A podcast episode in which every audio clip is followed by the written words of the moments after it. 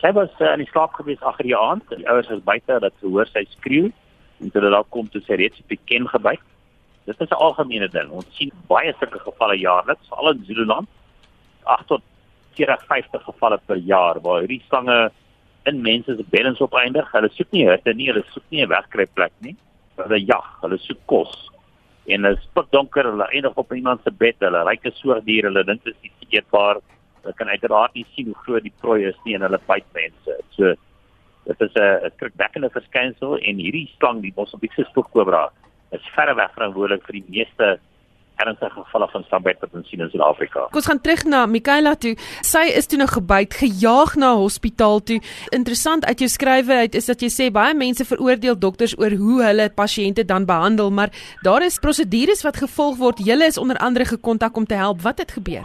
Die dokters daai prosedures, dit is 'n uh, wetenskaplike publikasies wat die protokolle uiteensit wat dokters volg. En ongelukkig is dit nou maar met die sosiale media nou 'n nuwe tendens dat elke Jan Rapp en sy maat skielik dink hulle weet baie meer oor sangbytbehandeling as mediese dokters. En die dokters word ontsettend gekritiseer oor hulle behandeling. Dit was hierdie persone min inligting oor wat gebeur En dit is eintlik beskokkend. Dit is pateties dat mense hierdie tipe gedrag sien. In hierdie geval, gelukkig, kyk hoe gou jy by hospitaal kan uitkom in 'n geval van ernstige slangbyt toe beter. Want jy gouer kan aangaan met die korrekte behandeling.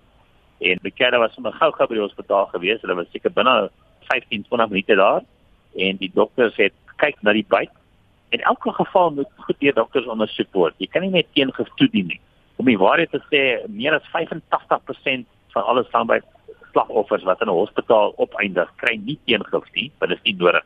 Maar in hierdie geval was dit nodig, hulle het absoluut professioneel en korrek opgetree en die behandeling was perfek. Mens kon dit nie beter doen nie. Daar is toe nou hierdie Mosambiekse spoegkobra wat in haar kamer in haar bed is wat haar gebyt het. Jy's gesê hulle is besig om te jag. Met ander woorde, hulle kom soek nie soos almal glo hitte nie. Hulle kom jag. Hulle wil letterlik byt of wat gaan nie aan?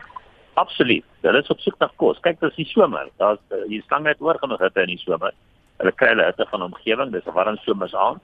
So dit gaan beslis nie oor hitte nie. Dit gaan maar oor jag en hulle is dis 'n baie algemene slang. Hulle is wyd versprei van die suide van KwaZulu-Natal noordwaarts.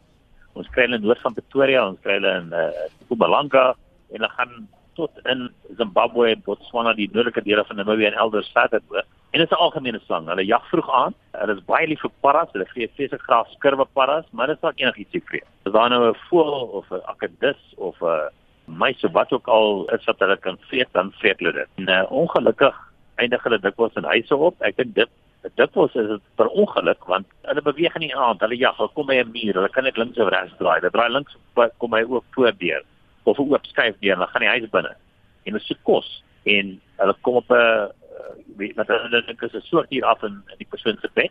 En ons sien baie van die buite. Ons sien kinders wat in die gesig gebyt word, kinders wat in die oë gebyt word. Ons sien volwassenes wat op die elmboog op die hande op die bors gebyt word. So dit is 'n 'n baie algemene tendens en dit is redelik uniek. So amper elke byt wat ons sien waar persone in 'n bed gebyt word, is veroorsaak deur die Mosambiekse spoegkobra. Dis nou ongelukkig net deel van hulle gedrag. Ons wag nog nou op hierdie stadium dan om aan met ander woorde om te sien hoe erg die skade was vir Mikaela. Daar's nog nie uitsluitsel daaroor. Ja, dit lyk uh, dinge lyk baie goed op die stadium. Die, die swelling begin bietjie sak in die keel en sy doen besonder goed. Sy natuurlik dis ongerieflik en in pyn, maar uh, ek het vanoggend met uh, met daai ouers gepraat en dit dit gaan dit gaan al die omstandighede goed met haar.